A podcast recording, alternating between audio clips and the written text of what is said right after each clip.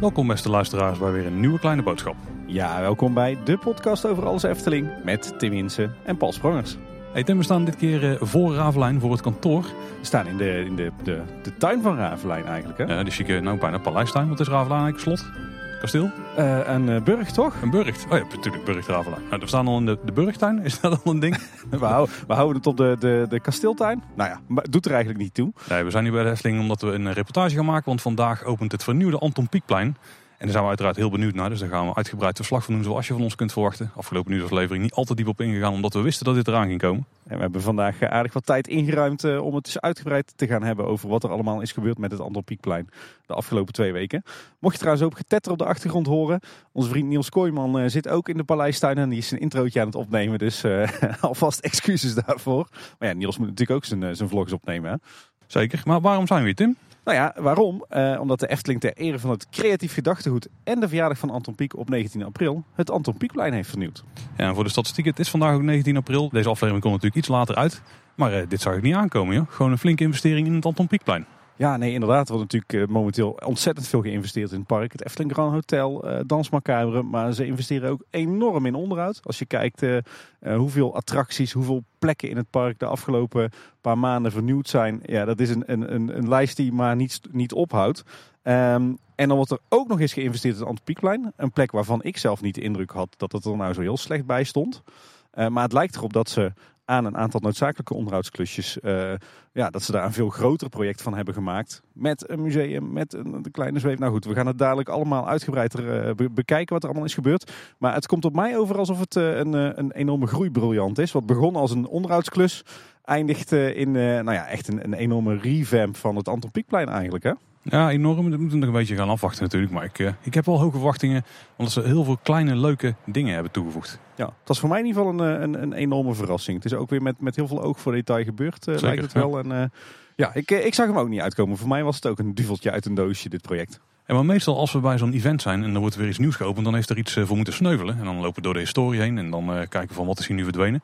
Dat hoeft vandaag niet. Dat is toch wel even interessant om stil te staan bij wat het Anton Pieckplein nu precies is en hoe het in de Efteling is gekomen.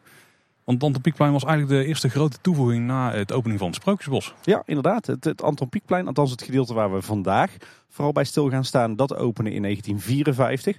Moet ik misschien even toelichten. Je zou kunnen zeggen dat het Anton Pieckplein eigenlijk uit meerdere gedeeltes bestaat. Heeft ook een hele roerige geschiedenis gehad met allerlei aanpassingen. Maar uh, je zou het kunnen uitsplitsen in een oud Anton Pieckplein. Zeg maar het gedeelte tussen het Witte Paard en de Anton Pieckmolen, de Dubbele Laan en het Lavelaar. Dat opende in 1954. En het gedeelte zeg maar, rond de grote zweefmolen, de smulpaap, de suikerbuik. Dat is het nieuwe Anton Pieckplein. Niet naar een ontwerp van Anton Pieck, maar naar een ontwerp van Michel en Dulk. Uh, en dat opende in 2003. We gaan voor de verandering deze keer niet uitgebreid stilstaan bij de geschiedenis van het, uh, het, het, oude deel van het Anton Pieckplein. Want dat hebben we een tijd geleden al gedaan toen we het hadden over alle speeltuinen in de Efteling. We zullen ook even linken in de show notes naar die aflevering. En verder kan je natuurlijk ook op Eftepedia kijken, want daar, uh, daar hebben ze een prachtig artikel geschreven over het Anton Pieckplein. Maar wel goed om te weten, openen in 1954. En het is eigenlijk, als ik heel eerlijk ben, uh, redelijk onveranderd gebleven. Hè? De enige uh, grote aanpassing, denk ik, is de toevoeging van de Vermolenmolen een aantal jaar geleden. Ja, dan heb je specifiek over het Pieckplein. Oude stukje ja. Anton Pieckplein, ja.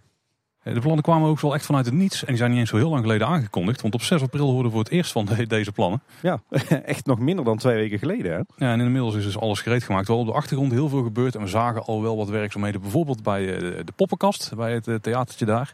En daar gaat natuurlijk ook van alles mee gebeuren. Ah, ik zie Karel helemaal aankomen lopen. Precies, wij waren eerder. nee, maar inderdaad, de, de, de samenhang tussen de verschillende deelprojectjes en de onderhoudsklussen. En dat het meer was dan alleen onderhoud, dat weten we pas twee weken. Hè? En als we het dan toch over Karel hebben, die is de verantwoordelijke ontwerper van dit project. En uh, Tim, jij kent hem hè?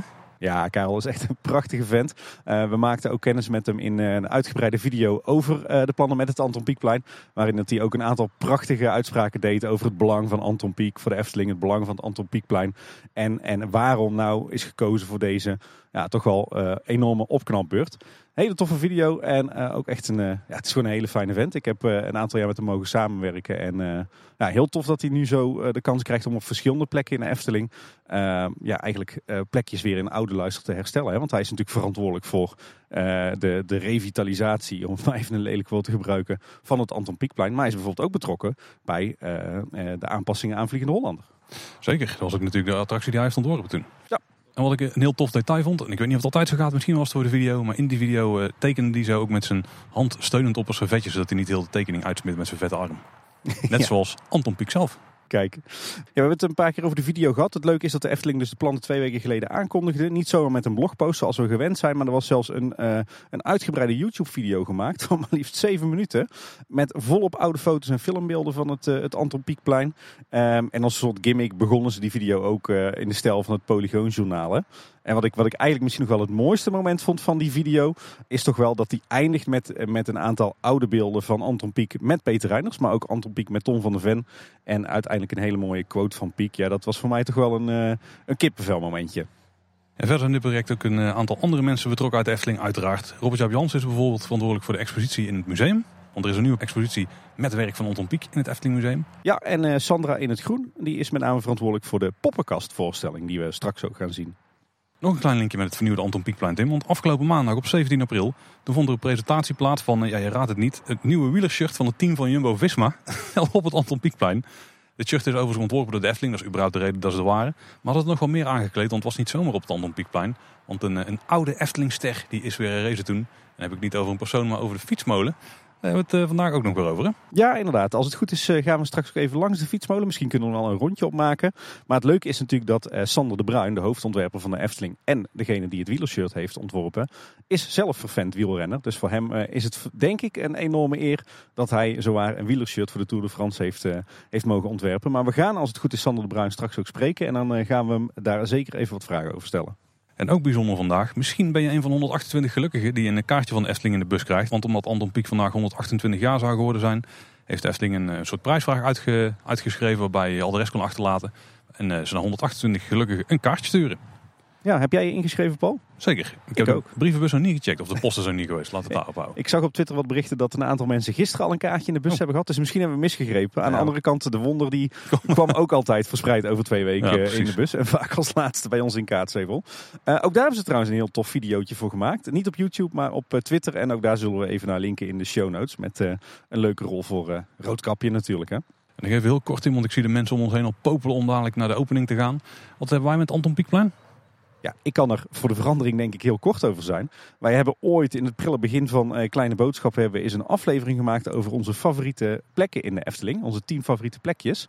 Um, en ik heb hem nog even teruggezocht. Ook die aflevering we even in de show notes zetten. Want die kan je niet meer in je, in je podcast app luisteren. Een van onze allereerste afleveringen. En daar was het Anton Pieckplein. En dan specifiek ook het oude Anton Pieckplein uit 1954 was bij mij na het Herautenplein uh, mijn favoriete plekje in het park. Het mooiste plekje. En ik moet zeggen, ondanks dat we inmiddels zes jaar verder zijn, is dit hoekje van het Anton Pieckplein inderdaad voor mij nog steeds het allermooiste plekje in Efteling na het Herautenplein. Voor mij stond bij het uh, nieuwe Anton Pieckplein in het toplijstje.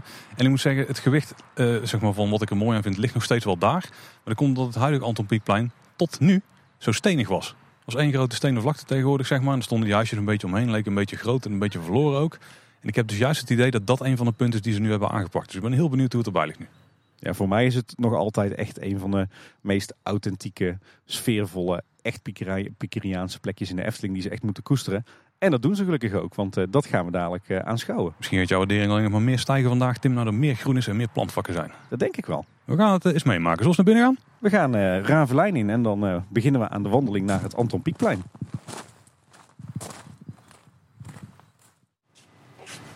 Ehm, allereerst van harte welkom op dit fantastisch mooie, geheel vernieuwde Anton Pieckplein.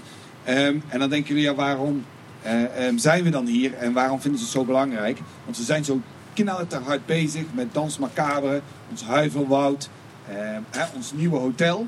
Maar uh, zoals jullie allemaal wel weten, is de kern van de Efteling uiteindelijk het Sprookjesbos en dit Anton Pieckplein. dat nostalgische, waar je met elkaar op dit dorpsplein bent, in een gezelschap, vinden we super belangrijk en dat willen we graag koesteren. En dat willen we ook graag doorgeven aan de generaties na ons. Nou, dat kun je hier om je heen zien. En ik hoop dat jullie ook allemaal vandaag de tijd even ervoor nemen om alle nieuwigheden hier te gaan ontdekken. Nou, ik zal een paar uh, uh, zaken toch even aanstippen, maar niet allemaal, want dat zou jammer zijn. Uh, we hebben de kleine zweefmolen dadelijk hier om de hoek. Ehm, die is geheel gerestaureerd um, en heeft ook wat nieuwe elementen, zoals aapjes. En die kunnen jullie gaan zien. Die zijn naar tekening van Anton Pieck, uiteraard. Verder hebben we onze Vermolenmolen. Um, heeft nieuwe muziek gekregen. Daar zat uh, van alles en nog wat. was een beetje een ratje toe. Maar uh, daar heeft onze huiscomponist heeft het hoofd weer over gebroken. Die is er vandaag overigens ook. Trots staat hij weer te kijken. Um, maar daar moet u zeker uh, naar gaan luisteren. Want dat is hartstikke leuk. Verder is het zo dat wij achter jullie weer het poppenkasthuisje. Nou, wij waren net even aan het praten. Ik mag hier ook al 27 jaar rondlopen. En ik weet dat helemaal in het beginjaren dat er nog wel eens iets in gebeurde. Um, maar de afgelopen jaren niet meer. En wij gaan hier elke middag, komen daar om de nou, zoveel tijd, hebben we daar een fantastisch mooie voorstelling. Um, maar ga daar alsjeblieft gewoon uh, uh, graag eens even naar kijken. En laatste, en daar komen we dadelijk voor, en dat is ook het officiële openingsmoment. En dan mag ik dadelijk met mevrouw Piek doen, is hier het Efteling Museum. Maar voordat we dat doen, en voordat wij dadelijk samen hè, de deur officieel voor het eerst gaan openen, uh, wil ik heel even vragen aan uh, Sander de Bruin. Die heeft namelijk nog een nieuwtje. Want zijn team, die hier achter ook allemaal staan, die hier kei en keihard aan gewerkt hebben. Uh, en hij, nou, die willen graag nog even iets vertellen, toch Sander? Absoluut.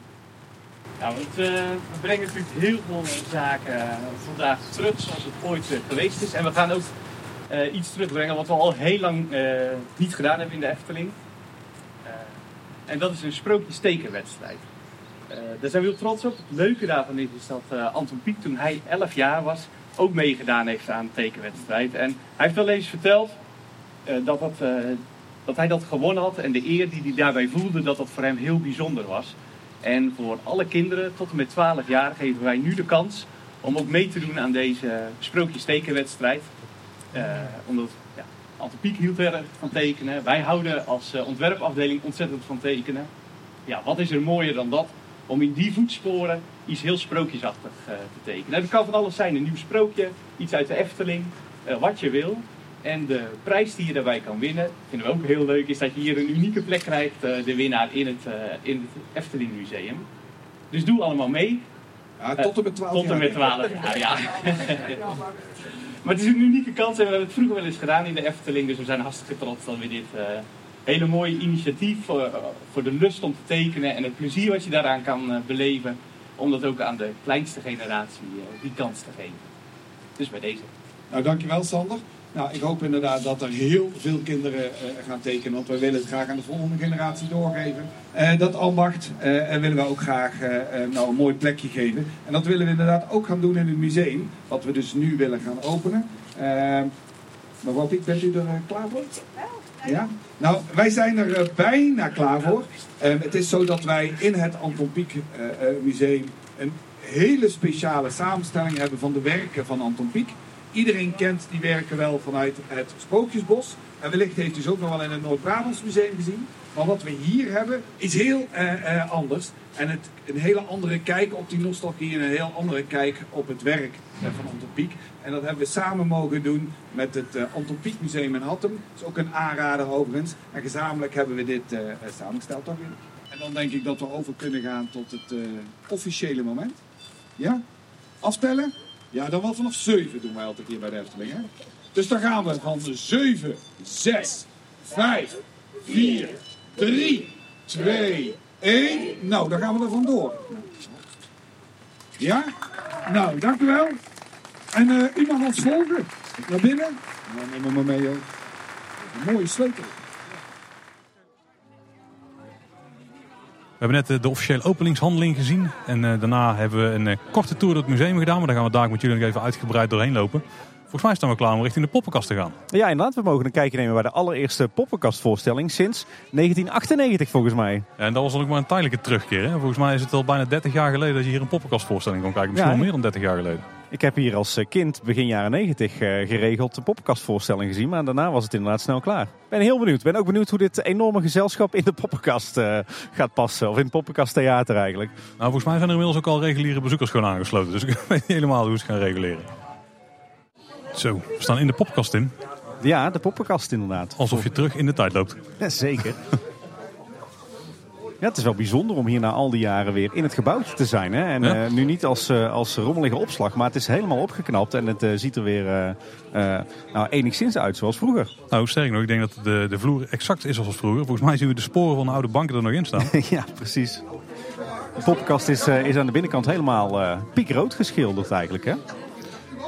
Ja, met mooie klassieke lantaarntjes aan de, aan de plafonds. Zei net? Ja, die zitten aan de rand, aan de plafonds. En dan ja, de, de, noem het, de theedoekgordijntjes. Ja, inderdaad, rood-wit geblokte gordijntjes voor de ramen, ja. Ik hoor op de achtergrond ook een, een variant van de muziek eh, van René Merkelbach... die we ook net al bij de Vermolenmolen stiekem hoorden.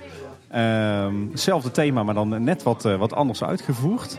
Eh, en wat heel mooi is, is dat het, het oude ornament van de poppenkast... wat natuurlijk heel lang in het requisietenmagazijn stond... is teruggekeerd, midden in de zaal. Mooi opgeknapt, met eh, paarse vloerse gordijntjes... eh, die dadelijk open zullen gaan als de voorstelling begint. En links en rechts van, eh, van het venster... daar zien we twee prachtige, volgens mij authentieke beeldjes van... ja, wat is het eigenlijk?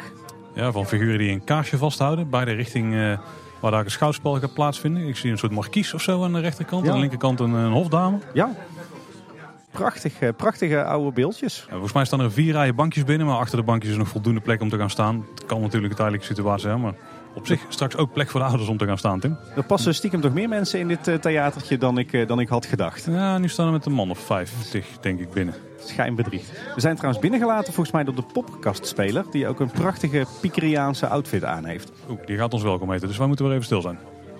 Welkom in het kleinste theater dat u ooit heeft bezocht. 1, 2, appetee. Met de kleinste artiesten. En niet te vergeten, de grootste verhalen die u nog nooit heeft gehoord. Kijk eens. Welkom in ons poppentheater. Eh, zit iedereen goed? Ja. Heeft iedereen een plekje gevonden? Ja. Goed. Goed. Jas. Mijn naam is August. Aangenaam. August is de naam. August. En dit. Dit is Aagje. Aagje. Aagje. Aagje. Oh nee, nu hebben we de poppen aan het dansen. Eh Aagje. Aagje. eh, heeft iemand van jullie toevallig mijn aapje gezien? Nou, Tim, net de poppenkast gezien. Ja, Dat is lang geleden. jeugdsentiment dit hè. Ja, zeker. Echt fantastisch om dit, eh, dit huisje weer in oude luister hersteld te zien. En eh, ja, het wordt nu eindelijk gebruikt waar het voor bedoeld was. hè. Ja. Ja. Wat hebben we net eigenlijk gezien, Tim? Want volgens mij was dit eh, de origin story van het ballonnenvrouwtje. Ja, inderdaad. Heel tof om, eh, om te zien dat er een showtje is gebouwd of is bedacht rondom het ballonnenvrouwtje. Een van de elementen die we eigenlijk op heel veel piektekeningen terugzien. Het is weer een beetje druk op het plein. We moeten af en toe een plekje zoeken voor onszelf. Ja, precies. Nee, ik vond het een eh, ontzettend leuk verhaaltje. Eh, niet te kort, niet te lang. Leuk voor kinderen. Eh, ja, en inderdaad mooi hoe er verschillende elementen in verwerkt zitten. Het ballonnenvrouwtje speelt een hoofdrol. Het aapje Aagje speelt een hoofdrol. Die, die zien we natuurlijk dadelijk ook op de kleine zweefmolen. En zo zijn heel veel elementen op dit plein met elkaar verbonden. Ja, wat wisseling in de achtergrond ook. We beginnen met een, een beetje een ouderwetse piekprint. Dus van een, een dorpsgezichtje. Dan gaan we volgens mij naar iets wat ik wel relateer aan diorama. Ja. een beetje eruit zag. Een vergezicht. En uiteindelijk eh, belanden we op het Anton Pieckplein. En echt voor de kinderen dit, hè. Ook met de interactie en zo. Ja. leuk, leuk. Die ga Dus- ik zeker wel eh, een aantal keer kijken met de kinderen. De soundtrack die komt ook weer overeen met wat we bij de Vermolenmolen eh, horen. Nee, heel tof gedaan. En vooral ja, bijzonder om in 2023 een poppenkastvoorstelling te zien. Hè? Als je dit Ja. tien jaar geleden had gebracht, had iedereen gezegd... jeetje, wat ouderwets. Maar ja, we zijn nu toch eh, een beetje in de tijd waarin we met weemoed terugdenken aan vroeger. En je ziet nu dat zo'n eh, ja, zo'n terugkeer van een poppenkast juist op heel veel enthousiasme kan rekenen. Mooie toevoeging. Ja, mooi hoe alles hier met elkaar samenhangt, eh, verhaaltechnisch en qua vormgeving. Ah, ja, en ook nog wel interessant om te melden. We, worden, we werden net ontvangen door een meneer. Ik denk dat het August ook was. Ja, August de poppenspeler. Ja. Die, maar die daarna ook ziet in de poppenvariant, zeg maar. In de poppenkast zelf. En die begeleidt eigenlijk het hele showtje. Dus eh, de binnenkomst en zo hoort er ook bij. Dus daar gaat iedereen straks ook meemaken. Ja, de, de poppen zijn trouwens ook heel mooi vormgegeven. Echt van die typische Eftelingse gezichtjes. Met ook mooie kleertjes. Eh, dus volgens mij zijn, eh, komen die ook rechtstreeks van de afdeling decoratie vormgeving en het kostuumatelier. Daar is niks, niks ingekocht van de plank bij. Allemaal heel mooi gemaakt voor deze poppenkastvoorstelling. heel mooi om te zien hoeveel ja, liefde en moeite hierin is Dat zal gestoken. zeker het, het geval zijn. ja. Hey Paul, voordat wij een eh, rondje gaan maken over het Anton Pieckplein en gaan beschrijven wat we allemaal zien, wordt het denk ik tijd eh, om wat mensen te spreken hè, die betrokken zijn bij dit project. Zeker. Eens kijken wie we aan eh, de mouw kunnen trekken. Zeg, we staan hier om te beginnen bij Sander de Bruin, natuurlijk de hoofdontwerper van de Efteling en manager ontwerp en beleving, zeg ik uit het hoofd. Dat is het, ja. Mij lukt het wel. hey Sander, van harte gefeliciteerd met eh, dit eh, ja, toch wel prachtige resultaat. Het Anton Pieckplein straalt weer in volle glorie. Dankjewel. Hoe voelt het voor jou om als eindverantwoordelijke van de ontwerpafdeling hier vandaag te staan? Nou, ontzettend trots. Omdat het is een van onze eerste pleinen eh, dat we daar eh, elementen terug hebben gebracht. Want het was er eigenlijk altijd al. Hè? De poppenkast en eh, de man op de pomp met de armbeweging. Maar nu ook zijn eigen muziek. nieuwe expositie. Ehm, het is eigenlijk heel raar dat we het zo lang in de schaduw hebben laten liggen. En daarom is het fantastisch dat we het nu kunnen heropenen in volle glorie. Helemaal met eh, dit traditionele mooie weer eh, bij een seizoensopening eigenlijk. Nee, echt heel trots. En waar ligt dan de start van dit project? Hoe is het ontstaan? Eigenlijk in een dialoog. In een dialoog over de verbetering van het, eh, van het park. Het stukje beleving eigenlijk van ontwerp en beleving. Dat we, eh, ja, zoals jullie ook weten, zijn natuurlijk met Efteling Grand Hotel, met het Huiverwoud, Dans Macabre, eh, Wereld van Simbad, Max en Moritz, Symbolica. Eh, eigenlijk willen we het park steeds mooier maken. Maar dat wil niet zeggen dat we dan alleen aandacht hebben voor de nieuwe gebieden. Juist ook gebieden die er altijd al waren, verdienen diezelfde aandacht. En bij de Efteling is het zo mooi dat je, dat zijn ja, twee kanten van dezelfde medaille. En ja, we zeggen ook bij dit project, wie het kleine niet eert, is het grote niet weert. En omdat we zoveel groots bouwen, ja, ben je ook wel schatplichtig om gewoon heel kritisch te kijken naar elementen, pleinen die ook ontzettend belangrijk voor de Efteling zijn. Zoals het Anton Pieckplein. Was het project altijd al zo allesomvattend of is het heel klein begonnen en was het typisch zo'n groeibriljant? Absoluut was het een groeibriljant. Ja. Het zijn eh, de renovatie van de kleine zweef hadden we. We hadden het, eh, het contact wat eh, ook weer heel goed is met het Anton Pieck Museum.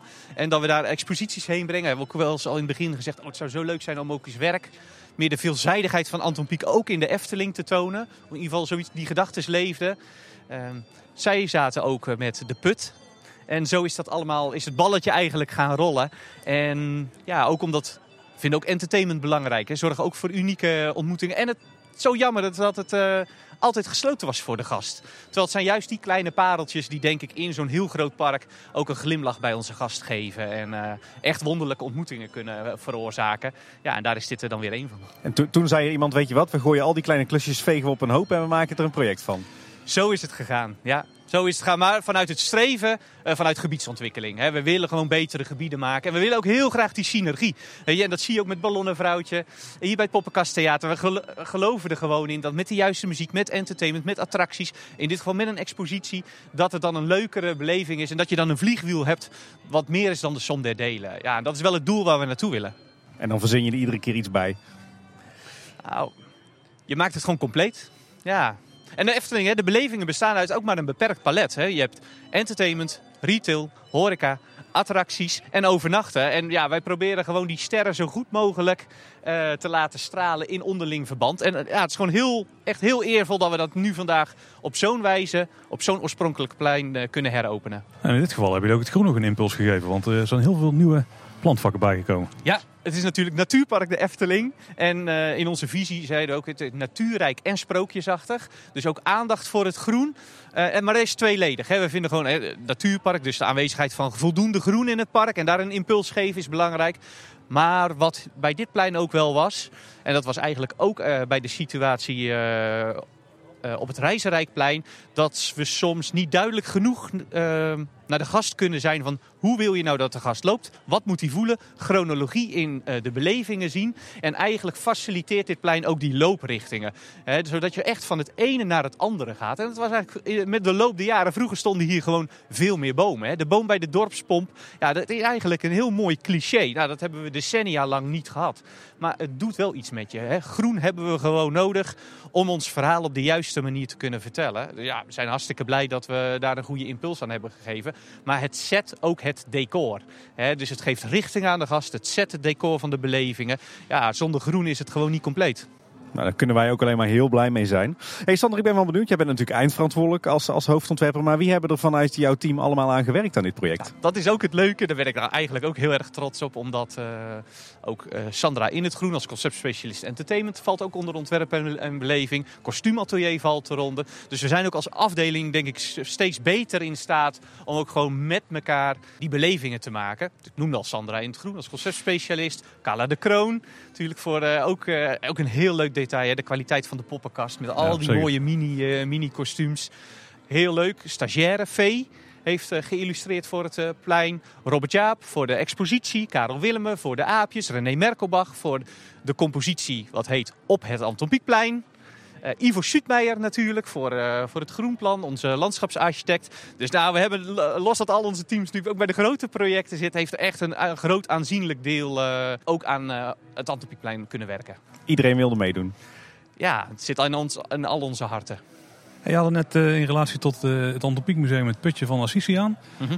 Komt die ook nog ergens in de Efteling dan terug? Want ik heb het zelf nog geen rondje kunnen doen over het plein. Maar Ja, het is eigenlijk een onderwerp van het Antropiekplein zelf. Maar zij hebben de ingang, zoals jullie weten, misschien verlegd hè, naar, de, eh, naar de andere zijde. En daarmee ehm, is de ingang niet meer door het Voerman Museum, maar een zelfstandige ingang. En daarmee heeft het Voerman Museum ook gezegd, ja, dat is eigenlijk grond die van ons is. Dus het putje had een herbestemming nodig. Dat was op vraag van het Anton Museum zelf. Ze hebben in Hattem gezocht naar een locatie, hè, bijvoorbeeld bij de molen. Die hebben ze daar niet kunnen, kunnen vinden. Ja, en toen kwamen ze bij ons terecht en ja, we hebben dezelfde grondlegger. Hè? Dus eh, we zijn gewoon heel trots dat die verbinding goed is. En ook het zorgen voor het werk van Anton Pieck. Ja, dat kan je ook samen doen. Dus ja, toen hebben we echt wel gezegd van...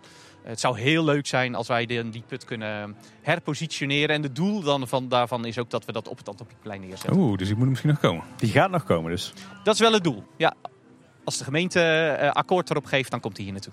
Kijk, Hoe voelt het voor jullie eigenlijk om, om eh, met het, het werk van Anton Pieck zelf aan de slag te gaan? Eh, voelt dat dan extra bijzonder of ben je dan extra voorzichtig? Piek is onze basis, dus het is altijd heel eervol. En vooral ook geeft gewoon ontzettend veel plezier om met het werk van Anton Pieck eh, om het te zien. Om er, ehm, om er het juiste mee te doen. Want heel, heel eerlijk, heel veel, zeker bij dit op het Anton Pieck, er zijn heel veel ontwerpen van hem die juist weer opnieuw tot leven komen. Hè. Dus ja, het geeft denk ik gewoon echt het unieke karakter aan van dat de Efteling er ooit voor heeft gekozen om hem te vragen. Maar ook om een ontwerpafdeling in eigen huis te hebben. Ja, wij voelen ons gewoon, ja, wij herbronnen gewoon op zo'n initiatief. Hè. Dus ja, weet je, door naar het verleden te kijken, kijk je ook gewoon weer, ook weer naar de toekomst. En ehm, juist door met dit zo'n project bezig te zijn, voel je gewoon weer hoe bijzonder de signatuur van het park is. waren er nou nog specifieke highlights in dit project wat jou betreft? Of echt de krenten uit de pap voor de ontwerpers? Ja, meerdere. meerdere. Ik eh, denk dat het voor de eerste keer is dat we zijn brede oeuvre kunnen tonen in het, in het Sprookjespark. Nou, ik vind dat heel erg leuk, omdat eh, het cliché Anton Pieck zeg je sprookjesbos of kalenderplaten. En juist zijn grafische werk is ook zo ontzettend mooi. Hè? Zijn illustratiewerk voor Tuin de Goden, waar, eh, waar er een plaat ook van hangt, of van Duizend en één Nacht. Dus de veelzijdigheid dat dat waarneembaar is, dat is toch wel echt een unieke gelegenheid. Voelt gewoon ook, ook heel, heel bijzonder. Ook een beetje als dezelfde kant van de medaille wat we nu in het An- Noord-Brabants Museum tonen. Hè. Eigenlijk meer het Eftelingwerk. eh, waar we ook eh, met een bredere collectie zijn, is het gewoon ook heel mooi om dat hier te tonen. En dan kan je nog naar het Antropiek Museum zelf in Hattem.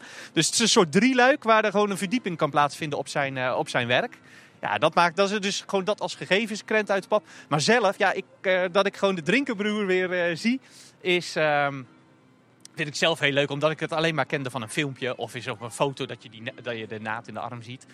Maar nou die het doet, vind ik, vind ik het eigenlijk zelf gewoon super leuk. En eh, zie je eigenlijk ook gewoon het raffinement van de oorsprong. Denk ik dat je daarin terug. Want ja, ik, heb nog nooit zo'n soort pomp gezien met zo'n, met zo'n armbeweging. En eigenlijk laat het toch direct zien hoe, hoe steengoed het eh, allemaal in elkaar zit. Zeker. Kwamen jullie nou gaandeweg in dit project ook, ook nog uitdagingen tegen of eh, ging het van een leidakje? Ja, kwamen wel wat uitdagingen tegen. Sowieso eh, ondergrondse infra. Die, eh, dat is ook wel eh, jullie onderwerp, maar daar zit de Efteling mee vol. Dus daar komen we eigenlijk bij elke verbouwing tegen. Zo ook op de, eigenlijk op de hele oude onderdelen. Maar dat is meer een technische component. En wat wel een uitdaging is, is natuurlijk het, het poppenkasttheater terugbrengen in volle glorie. Eh erfgoedbeheer, we hadden er heel goed voor gezorgd. Dus we moesten ook heel veel spullen, het was inmiddels stond het er niet meer in. Dus heel veel spullen hebben we moeten terugbrengen.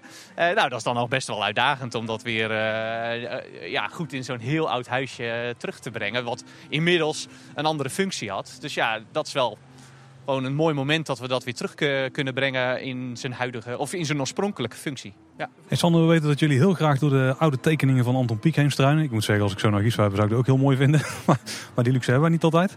En we weten dat de aapjes die terug zijn gekeerd op de kleine zweefmolen, dat die bijvoorbeeld ook uit zo'n oude tekening komen. Ja. Zijn er nou nog meer elementen die jullie hebben teruggegrepen naar wat oude tekeningen in deze eh, op vernieuwde aanpak van het Anton Pieckplein? Ja, veel was natuurlijk al aanwezig gewoon door Anton Pieck. Hè? Dus eh, gewoon poppentheater, zijn ontwerp, hebben we gerenoveerd, is teruggebracht. Eh, de man op de pomp is hetzelfde, verhaal. Eh, muziek, ja, daar bestond geen compositie, eh, geen compositie voor. Hè? Dus op het Anton Pieckplein is dan speciaal daarvoor gecomponeerd. Ja, en vooral ook qua groen. We hebben vooral gekeken over wat kunnen we terugbrengen van de sfeer, hoe het ooit hier was. Daar hebben we vooral goed naar gekeken. Eh, maar de aapjes is inderdaad echt iets figuratiefs. Wat, eh, wat we teruggebracht hebben van zijn, eh, van zijn ontwerpen. Maar verder niet van, oh, er is een tekening geweest. Nee, het is veel meer van, het ligt gewoon eigenlijk allemaal voor ons. We moeten het gewoon opnieuw oppakken. Het is veel meer eigenlijk dat we gewoon ja, zijn werk hebben opgepakt en teruggebracht hebben naar een oorspronkelijke functie. Ja. Hey Sander, we hebben vandaag al een aantal keer gehoord van het is voor ons als Efteling heel belangrijk dat we eh, de herinnering aan Anton Pieck eh, koesteren. Dat we goed omgaan met zijn nalatenschap. Waarom is dat zo belangrijk volgens jou? Nou, dat heeft een hele heldere reden waarom dat belangrijk is. Omdat ik denk dat de Efteling in twee, twee zaken uniek is in het hele wereldwijde landschap van, eh, van themaparken. En dat is in haar natuur, dat Stichting Natuurpark de Efteling. En dat is in haar signatuur. Ik ken eigenlijk geen park die zo leidende signatuur heeft. En ehm, in de positie waarin ik dan mag zijn als manager ontwerp en beleving, is het ook van je, hebt, je weet dat je een beperkte tijd hebt. Hè? Niemand is hier eh, voor de eeuwigheid. Dus je wil gewoon in jouw periode het absolute juiste doen voor de Efteling. Eh, en daarom is het zo nodig dat je eigenlijk die tijd, die tijd die je gegeven is zo optimaal benut. Als je ervan bewust bent dat de signatuur het unieke karakter is van de Efteling. Ja, en dat is iets, daar moet, je gewoon nooit over twijfelen als Efteling. Dus ik zelf pak eigenlijk elke gelegenheid aan om gewoon eh, dat op welk initiatief dan ook. Hè? Of dat dan voor een initiatief is voor een shirt voor de Tour de France. Of nu bij de oorsprong over het Anton Pieckplein. Weet je, dat juiste verhaal vertellen. eh, dat moet je gewoon blijven en blijven doen. Tot in lengte eh, van jaren. Want dat is onze kracht. Dat is waarom de 5 miljoen gasten nog steeds hier een ontzettend vertrouwd gevoel geven. Ja, dat vertrouwde gevoel, weet je, dat, dat willen we heel graag dat de mensen dat hier op deze plek weer, eh, weer voelen. Nou, en ik denk dat als je ziet hoeveel mensen, gasten er nu hier rondlopen, is dat, eh, voel je wel dat dat loskomt. Zeker. Je maakt meteen een mooi bruggetje Sander, naar een ander onderwerp waar we het nog kort over wilden hebben. Want er is hier gisteren een eh, shirtpresentatie geweest door het team Jumbo-Visma. Nou Ja. weten we dat jij enorm graag op de fiets zit en volgens mij ook enorm wielerfan bent. Ja, absoluut. Maar ik vraag me dan toch af hoe het dan zo toevalligerwijs, of misschien niet, bij jou terecht is gekomen, zo'n project. Eh, nou, er is, er, er is al wat langer contact geweest met eh, Jumbo-Visma. En eh, dat was al net voor coronatijd. En dat was eigenlijk helemaal geen logische aanleiding of geen goede aanleiding. Dus we houden ook niet zo van samenwerkingen die te gezocht zijn. Eh, maar toeval wil is dat Fons, die fietst heel graag. Ik fiets Oh, heel graag. ook, dus het is ook een soort gemeenschappelijke eh, ehm, interesse. Eh, ja, en we hebben natuurlijk die fietsmolen hier gehad, de Velodroom. En dat haakje is toch ook wel heel aanlokkelijk om, al van als er een gelegenheid is, en zeker in dit jaar, hè, waarin we toch het licht op het Antropieplein zetten, ja, om dan de Velodroom eigenlijk op te pakken en dat als inspiratie te laten zijn tot een sprookje eigenlijk voor Team Jumbo-Visma. Maar nog veel belangrijker is dat het gaat, het is eigenlijk metafoor in dat sprookje, is geloof in je dromen. En ik denk dat dat ook wel een verbinding is van eh, hier met Anton Pieck, dat hij hier zijn dromen werkelijkheid heeft laten worden. En of dat nou voor jullie geldt, of dat geldt voor mij, weet je, gunt ieder kind om echt die droom die je als kind hebt ehm, vast te houden en er het goede mee te doen. En daarom zijn we ook trots op de tekenwedstrijd. Het is zo leuk als je, eh, als je kan tekenen of je leert tekenen. En je kan, hè, dat is dan mijn droom. Hè, en je blijft altijd je hele leven bij je. Ehm, ja, dat je daar het goede mee kan doen, dat is gewoon het mooiste dat er is. En dat, ja, dat, dat is eigenlijk het haakje wat we daarbij gezocht hebben. Geloof in je dromen, dat verbeelden. Ehm, en dan is de metafoor eigenlijk het, het wielrennen. Hè, met als startpunt hier de, onze velodroom. Ja, mooi. Die staat ook eh, prominent op het shirt hè? en op alle grafische uitingen van het team nu. Ja, absoluut. Ja, heel uniek. hè. Echt een ouderwets silhouetje. Eh, ook geïnspireerd op de oude silhouetjes van Anton Pieck. Maar dan met, met een klein fietstertje erin. Ja, en die droomt dan eigenlijk over zijn grootste dromen die in de sterren staan geschreven. Van waar hij, hè, die kleine fietser toe in staat is. Zoals de renners van Team Jumbo-Visma ook echt dromen van... eh, dat is dan hun droom, hè, geloven om de beste wielrenner bij de beste ploeg. En dan ooit Parijs binnen te rijden in het geel. Nou, dat is natuurlijk een ontzettende romantische stad. Ja. Dus, en dat vind ik ook eh, gevoelsmatig. Hè. Eh, De Tour de France gaat over Parijs, gaat over de stad van de romantiek. Nou, de Efteling heeft ook ontzettend veel romantiek in zich. Dus dat het specifiek ook voor de Tour de France is. Ja, daar zijn we gewoon ook heel erg trots mee dat de Efteling ja, drie weken lang meefietst op de shirts van Team Ja. Jumbo-Visma. En uiteindelijk Parijs binnenrijdt.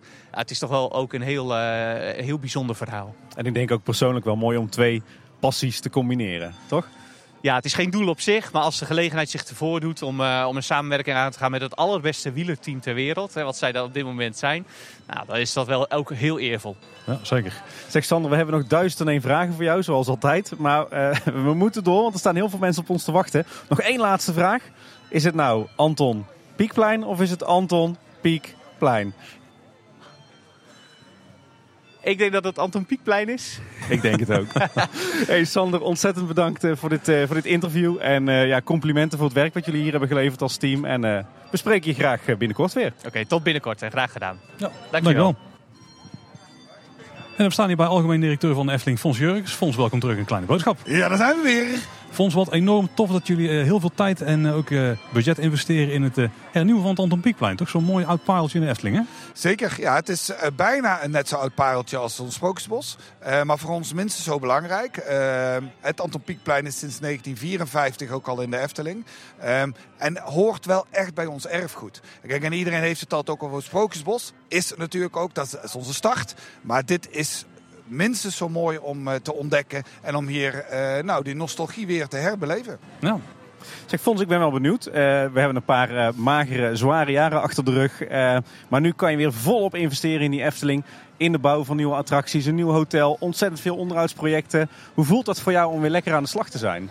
Ja, dat, eh, dat zie je inderdaad. Nou, het voelt heel erg goed om weer lekker aan de slag te gaan. Ehm, ik bedoel, we moeten ook gewoon eerlijk zijn. Vorig jaar zijn we nog een maand dicht geweest. Hè, dus het is echt nog maar kort. Maar we zijn wel op volle stoom om in ieder geval weer die inhaalslag te maken. En de plannen die we allemaal hebben, ook richting 2030 en verder, om eh, die te gaan realiseren. Nou, en ik ben wel graag lekker een doener. Ik ben wel graag bezig. Dus eh, nee, voor mij is dit, eh, dit is wel de tijd eh, waar je bij moet zijn. Volle kracht vooruit. Volle kracht voorbij. Hoe Vooruit. belangrijk is het nu om het nalatenschap van Anton Pieck zo in ere te houden voor de Efteling?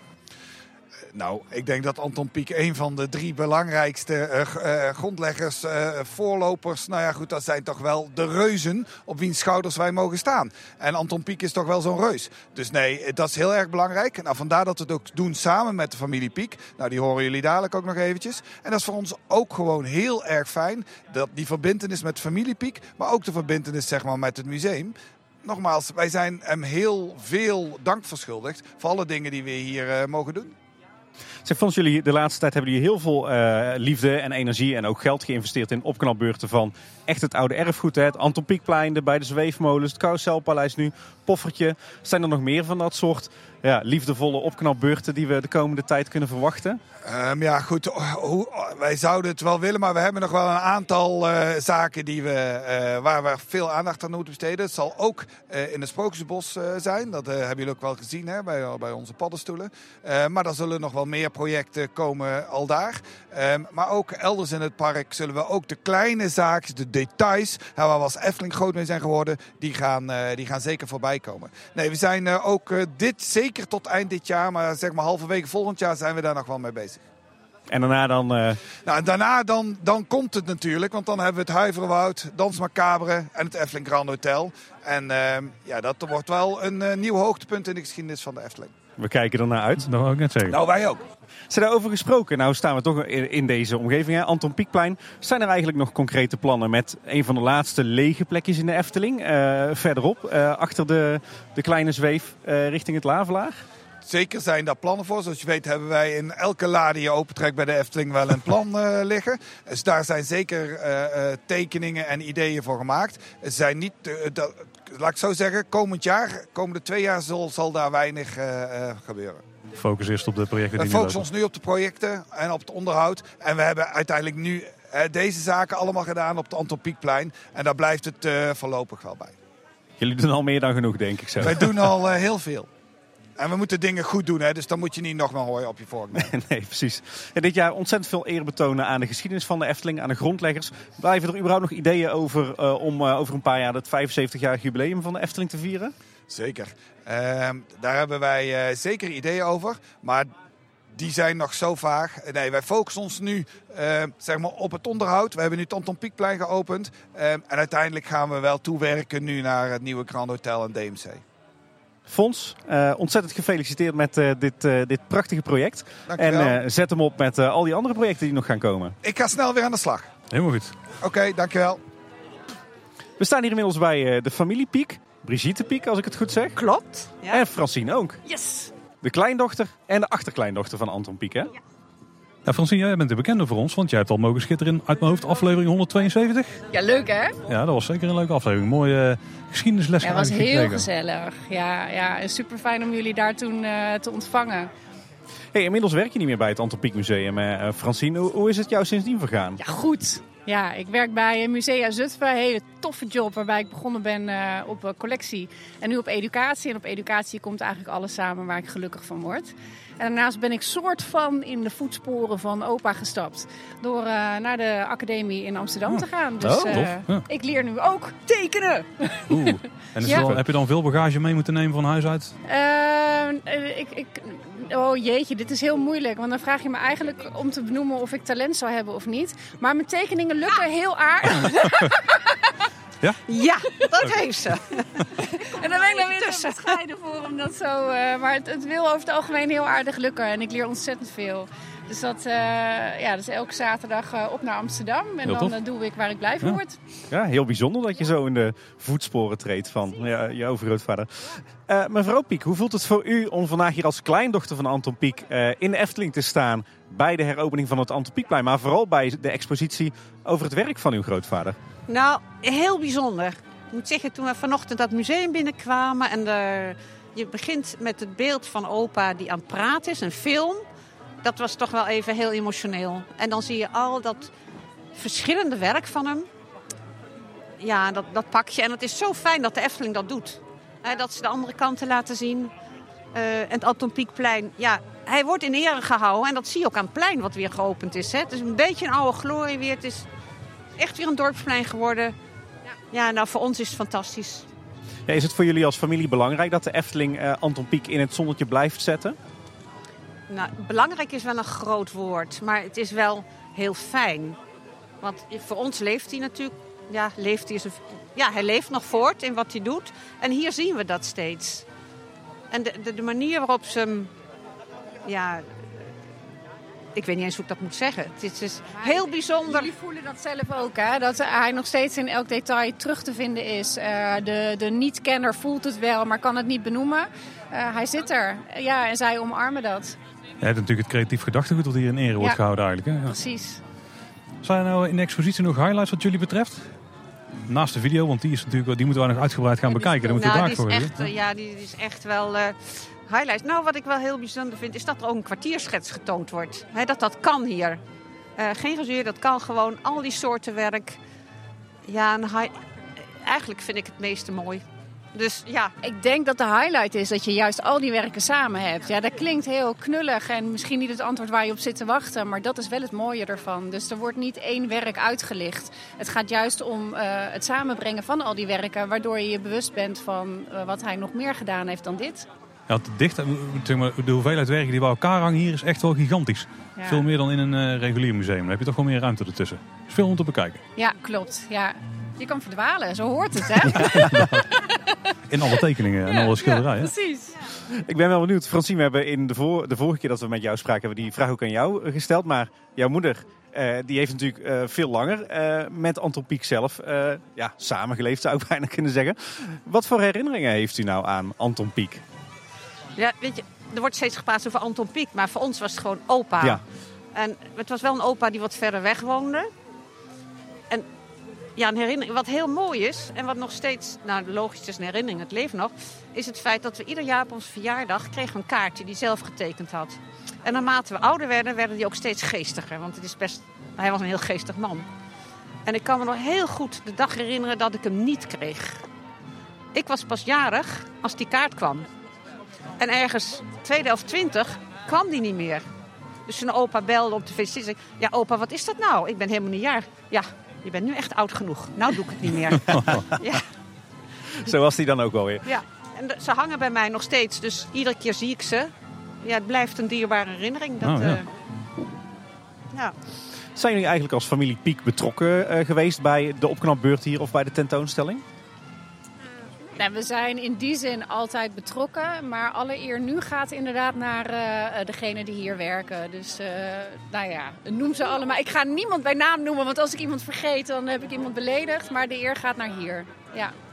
Wat hopen jullie eigenlijk voor, eh, voor, voor de toekomst? Moet de Efteling eh, tot in lengte der jaren eh, het gedachtegoed van jullie grootvader en overgrootvader eh, blijven waarderen, in het zonnetje blijven zetten, hier tonen? Zeker, maar dat doen al zijn opvolgers al. Het is, eh, ik denk ook dat het de basis is van dit park. Het, de, de- gewoon al die moderne dingen vind je overal. Maar juist dat kleine, eh, ja, dat is ook wat de jongere kinderen, maar wij ook nog steeds. Hè. We, we komen nog steeds. Het is verbindend, het is magisch, het is... Ja, nou. Ik zou de laatste zijn om te zeggen dat ze het moeten doen. Want ik denk dat de Efteling tot nu toe wel heeft bewezen dat zij heel goed weten waar ze wel of geen aandacht aan eh, moeten geven. Nou, het is natuurlijk ook, ook best bijzonder dat toch een commercieel bedrijf als de Efteling eh, eh, ook de banden met een Anton Pieck Museum, met de familie Piek, eh, met zijn gedachtegoed nog steeds zo respecteert. Ja. Nou, we zijn ook heel dankbaar dat we er nog een beetje bij horen. Ja, en dat we het mee mogen maken. Weet je, het feit dat, eh, en daar heb ik een aantal keer al gebruik van mogen maken, en die deur staat open, dat ik op de ontwerpafdeling rond mag lopen. Ehm, dat is, ja, weet je, zeker nu ik zelf op de academie zit. eh, dat is zo geweldig dat die deur gewoon voor ons nog open staat. Eh, het archief, die deur staat open. Eh, weet je, daar ligt ook die verbinding. Daar ligt die samenwerking, voor zover je die dan zou moeten noemen. Dat is super tof. Nou, ik denk dat het feit dat het park zoals de Efteling dit in ere houdt en dat ze zoveel aandacht besteden aan zoveel kleine details hier weer oppoetsen. En dat een poppenkast weer terugkomt. En Ja, dat, en ik eh, weet niet de- of je het gezien hebt, maar Jos die wees ons daar eh, net op. Maar als je hier kijkt naar eh, de pomp hè, met de drinkbeker die weer terug is. Maar dat wordt niet gewoon geschilderd. Dat wordt geschilderd alsof er al jarenlang water langs de buitenkant naar beneden druppelt. Kijk, dat zijn die details. Dat is toch fantastisch? zoals je ze ook op de tekeningen ziet natuurlijk. En het ballonnenvrouwtje wordt eh, in het zonnetje gezet. Hè? Oh, zo leuk. Ja, ja, ja, dat, dat die altijd terugkomt in, eh, in de prenten van Piek. Ja, ja, nou ja. ja, en waar, waar verwijst hij dan naar? Jongens. Ja, jongens! Was dat de grootmoeder van Piek zelf? Jullie zitten in de buurt. Ja, iets eh, terug in de generatie. Het is een verwijzing naar zijn moeder. Moeder, ja, Op het moment dat het, jij ja. in zijn werkje een vrouwtje ziet met een geruite omslagdoek, is dat een, eh, een ode aan zijn moeder. Kijk, dus dat ja. dat hier zowel in de poppenkast eh, terugkomt, waar iedereen van kan genieten, en het ballonnenvrouwtje wat hier rondloopt. Ja, maar dat is leuk. Ik heb jullie iets geleerd. yes! Heel goed, heel goed. Ik moet zeggen, ik, het voelt niet heel slecht om iets geleerd te krijgen van de familie Piek zelf. Ah, gelukkig. Sowieso moet je altijd nieuwsgierig blijven Ja, hè, ja, en ja. dan leer je. Dat gaan we wel. Hey, ontzettend bedankt beiden voor dit eh, hele bijzondere interview. En eh, ja, geniet nog lekker van deze mooie zonnige dag eh, in de Efteling. gaan we zeker doen. Gaan we doen. Dankjewel. En we zien jou vanzelf wel terug op de ontwerpafdeling van de Efteling, eh Francine. We staan hier inmiddels bij eh, Judith Bartel van Beckhoven, als ik het goed zeg. Ja, helemaal goed. Conservator van het Anton Pieck Museum in Hattem. Voor onze luisteraars een bekende plek. Ehm, Judith, jij volgde in 2021 Francine Oonkop als eh, conservator van het Anton Pieck Museum. Ja, Kan jij jezelf eens eh, kort voorstellen aan onze luisteraars? ja ik eh, ben geboren in eh, Haarlem op de grens met Overveen. En daar liep een oude meneer op straat waarvan mijn moeder zei... ja, dat is Anton Pieck, weet je wel, die meneer van die tekeningen. En dat vond ik wel heel erg spannend. Ik durfde niks te zeggen, maar ik vond het wel eh, heel indrukwekkend om hem daar op straat te zien. En ja, ik ben altijd dol geweest op kunst en eh, heb kunstgeschiedenis gestudeerd, eh, museumkunde gedaan. En ben op die manier in de museumwereld terechtgekomen.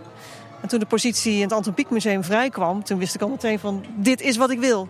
En het is nog gelukt ook. Er zat er al een linkje tussen jouw opleiding en dat je Anton Pieck in, in de buurt had wonen, zeg maar. Wel eens zag lopen, denk ik. Nou, mijn liefde voor eh, tekeningen en kunst zat er al heel vroeg in. Eh, wij hadden thuis een heel grote boekenkast. En de grote kunstboeken, ja, die stonden allemaal onderaan. Dus dat waren de eerste boeken die ik eh, eruit kon trekken en kon bekijken. En ik vond bijvoorbeeld de werken van Pieter Bruegel de Oude vond ik prachtig. Want dat zijn ook scènes met allerlei verhaaltjes erin. En die verhaaltjes verzon ik er dan zelf wel bij. De meeste van onze luisteraars zullen het Anton Pieck Museum wel kennen. Maar voor die enkelingen die er misschien nog niet helemaal mee bekend zijn... kun je een paar zinnen uitleggen wat is het Anton Pieck Museum... en waarom is het interessant voor een Efteling-liefhebber om daar een kijkje te gaan nemen. Wat heel leuk is aan het Anton Pieck Museum is dat je de enorme veelzijdigheid van hem als kunstenaar kunt ervaren. We kennen hem natuurlijk vanuit de Efteling en dan weten we een beetje wat zijn manier van werken is. Maar het is heel erg leuk om die manier van werken ook terug te zien in zijn olieverven, in zijn boekillustraties en in zijn grafische werk. En hij kon al die disciplines echt heel goed uitvoeren. Dus het is ook gewoon genieten. Eigenlijk wel een mooi linkje met wat hier dan vandaag in het park is geopend. Want we kunnen hier ook veel meer van het werk zien van Anton Pieck dan alleen maar wat hij voor de Efteling heeft gemaakt. Ja, dat vind ik ook ontzettend fijn. Want um, Piek was zoveel meer dan alleen de Efteling. En als je hier rondloopt, dat heb ik zelf ook, dan, dan ervaar je Piek ja, als maker van het Sprookjesbos. En dat is natuurlijk een heel belangrijk segment. Maar er is nog zoveel meer. En daarom ben ik ontzettend blij dat ook de Efteling daar meer aandacht aan wilde besteden. Om hem te laten zien als een kunstenaar die ook gewoon de waardering als kunstenaar verdient. En hoe is specifiek voor de expositie hier nu de samenwerking ontstaan tussen het Anton Pieck Museum en de Efteling? Het initiatief kwam van de Efteling. Zij hebben dus aangegeven dat ze het Anton Pieckplein opnieuw wilden inrichten en wilden vernieuwen. Wij waren natuurlijk heel blij te horen dat ze ook de veelzijdigheid van Anton Pieck daar een rol in wilden geven. Dus zij hebben mij gevraagd van, kun jij ons helpen daarmee? Ja, heel graag, natuurlijk. Dus wij zijn samen gaan kijken naar allerlei werken die wij in de collectie hebben die een goed beeld geven van het verschillende werk wat Piek heeft gemaakt. En op basis daarvan heb ik een selectie gemaakt en allerlei informatie ook uh, gegeven. Zodat men hier een tentoonstelling kon maken die helemaal voldoet aan die wens. Ja, ja we hebben het al een kijkje mogen nemen. En uh, er hangt enorm veel ook. Dus je kunt echt enorme diversiteit wel zien, ja. Ja, zeker. En, en dat is ook gewoon het leuke. Eh, Piek, zoals ik me hem herinner, was een vrij rustige man. En ook heel netjes eigenlijk. En daarom vind ik het ook altijd zo leuk om die werken van hem te zien. Want dan zie je een heel andere kant van hem. Het is grenzeloze fantasie. Heel erg precies in alles. En uh, altijd een grap ertussendoor. Het is gewoon ontzettend leuk om dat hier te ervaren. Middels al die verschillende kunstwerken. Ja. Maar wat zijn wat jou betreft de echte topstukken die onze luisteraars zeker hier moeten gaan bekijken in het Efteling Museum? Uh, ja, dat zijn er wel meerdere. Um, er hangt een uh, tekening uit het sprookjesboek uh, van Grimm. En dat is de boze vee uit Door een Roosje. En die heeft hij zo magnifiek getekend op heel hoge leeftijd. Want hij was toen al 89 jaar oud. Maar het is zo verfijnd gedaan. En er zitten ook grappen in die heel leuk zijn. De kleuren zijn schitterend. Dus dat is er echt eentje die je niet kan missen. Daarnaast heeft hij een uh, lito gemaakt. Dat is een grafische techniek van passiebloemen. En die is ook zo bijzonder omdat die uh, achtergrond vrij donker is. Maar de bloemen zelf zijn heel licht. Dus dat komt echt naar voren. Ook heel bijzonder om te zien. Nou, daar nog eens een extra rondje doen en goed opletten, Tim. Ja, precies. Zeg Judith, als je onze luisteraars in twee zinnen zou moeten overtuigen om dit jaar niet alleen naar de Efteling en het Efteling Museum te gaan, maar ook naar het Antropiek Museum in Hattem. Wat zou je dan zeggen? Laat je verrassen door de veelzijdigheid en het enorme vakmanschap van Anton Pieck, een van de grootste kunstenaars van Nederland. Dat is netjes binnen twee ja. zinnen, Judith. Zeker. Complimenten. Zouden we kunnen stellen dat de expositie die nu in het Efteling Museum te zien is, dat dat een mooie teaser is voor wat er in het Anton Pieck Museum nog te zien is? Nou, dat, dat kan ik niet beter verwoorden dan dat. Ja, okay. absoluut. Het is absoluut uh, een heel goede teaser. Dus voor de luisteraars die nu een rondje doen in het Efteling Museum en denken, oh, ik zou nog veel meer willen zien, ja, dan moet je toch afreizen naar Hattem. Ja, en Hattem is een ontzettend leuk plaatsje. En Anton Pieck vond Hattem ook heel leuk. Dus het museum staat daar niet omdat hij dus een band had met uh, had hem he, is niet geboren, hij heeft er niet gewoond. Maar het is wel een heel erg leuk plaatsje, echt een oud middeleeuws stadje. En de sfeer die daar hangt, dat was precies wat Anton Pieck leuk vond. Ja, wij zijn er geweest, Tim. We hebben daar een, een, tour gedaan door het museum. Ja, zeker. En je kunt er ook lekker eten, weet ik. En er is ook een leuk bakkerijmuseum. Dus je kunt er met gemak een leuke dag uit uh, van maken. Ja, zeker. een dagje Hattem is een fantastisch dagje. Dat kan ik u beloven. Maar dan mag het Anton Pieck Museum niet ontbreken natuurlijk. Absoluut niet. hey, Judith, bedankt voor je tijd. Heel en, graag gedaan. Uh, heel tof dat je je, je medewerking hebt kunnen verlenen. Jijzelf, maar ook het hele Anton Pieck Museum aan de expositie hier. We gaan er nog eens even rustig naar kijken dadelijk. Ja, ontzettend bedankt Judith. Heel graag gedaan en graag tot ziens in Hattem bij het Anton Pieck Museum. Zeg Paul, uh, we hebben al een uh, hele drukke ochtend achter de rug met de officiële opening van het museum, uh, de poppenkastvoorstelling en een aantal interviews. Het wordt nu toch echt tijd dat we zelf eens een kijkje gaan nemen op het Anton Pieckplein bij alle vernieuwingen. Ja, we zijn even een rondje aan het lopen en we staan nu bij de kleine zweefmolen, Tim. Maar daar hebben we natuurlijk de, de toevoeging van de apen. Ja, inderdaad. Ja, de Efteling zegt zelf dat de kleine zweefmolen eh, is gerestaureerd. Maar eigenlijk hebben ze stiekem natuurlijk een, eh, een nieuwe laten bouwen. Hè? Wel door de familie Vermolen. Dus het is een echte authentieke zweefmolen geworden. Die er bijna hetzelfde uitziet als de originele zweefmolen die hier al sinds 1951 stond. Maar wel met inderdaad eh, ja, toch een aantal verfraaiingen. Waarbij ze hebben teruggegrepen naar het, het originele ontwerp van Piek. we hebben het natuurlijk al eerder in Kleine Boodschap hierover gehad. Maar vandaag zien we inderdaad voor het eerst de vier apen. Uh, ik ben even op onderzoek uitgegaan bij wat uh, dierentuinvrienden. En uh, wat blijkt, het zijn een, een, bijzondere ondersoort van de makaken waar we hier naar kijken. De makaken, oké. Okay. Ja. Zullen we gewoon een rondje doen om de molen heen, Tim? Dan zien we ze alle vier. Hè? Want het zijn Ja. dus vier stuks. Ik zie Ja. hier een op een... ik denk dat het een soort bas is. Ja, contrabas eh, zo te zien hè. Een, eh, een horen zie ik. Nou, we lopen in de, in de zweefrichting mee. Ja, precies. We zien, eh, we zien inderdaad die vier apen dus met, met een horen, met een contrabas, een trompet en een saxofoon. Ehm, en het leuke is dat er, eh, dat eigenlijk de Efteling, eh, zowel Karel Wilma als de vormgever die ermee aan de slag is gegaan, eh, Ron van Iersel, dat die heel veel vrijheid hadden. Want er was maar een, een hele simpele schets van Anton Pieck bekend van die vier aapjes. En Karel heeft die tot in detail uitgewerkt. En daarna hebben ze dus de vier beesten vormgegeven. Er is daarbij eigenlijk gekozen voor, voor één basishouding. En eh, per aap, per instrument hebben ze eh, daar wat details veranderd. Dus de, de armen, het hoofd en de handen zijn telkens wat aangepast op het instrument. En ik moet zeggen, nou ze hier in levende lijven staan, ze zijn wel verrekte groot zeg. Ja, ze zijn inderdaad groot, maar wel mooi. Een metertje hoog of zo. Ja, maar wel een goede toevoeging aan het geheel. hoor. Ja. extra details. Heel tof. Echt, eh, eh, zowel in, in detail als in eh, kleurstelling, echt eh, ja, super Eftelings en eh Pieks. We hebben de laatste tijd ook wat nieuwe informatie gekregen over de kleine zweefmolen. Want eh, een van de toevoegingen, of een van de verbeteringen eigenlijk, is dat eh, de cherubijntjes weer een opknapbeurt hebben gehad. Die aan de bovenkant van, eh, tenminste in de, hoe noem je dit? De, de molen zelf, het draaiende deel. Het plafond van de molen, zeg maar. Ja, zitten. ja, nou, we precies. proberen het gewoon uit te leggen. En die zijn helemaal opgeknapt. Ehm, deze zaten in de originele ontwerptekening ook alleen maar daarbovenin, dus in het hemelgedeelte. En niet in de kolom waar ze voorheen wel stonden. Dus ook dat hebben ze weer teruggebracht naar de originele staat. Tenminste, naar, naar het originele idee. Ja, ja, ik heb het stond bijna de uitvoering versimpeld, hè? Eigenlijk wel, ja. Nou ja, die aap die maakt het alweer wel complexer of wat, wat ingewikkelder. Dus ja, precies. het eh, heft elkaar mooi op. Wat, wat verder nog een mooie toevoeging is, die pas recent is gedaan, is dat er eh, een hele mooie gedetailleerde stoffen rand eigenlijk is toegevoegd op de scheiding van het draaiende deel en, en zeg maar de basis.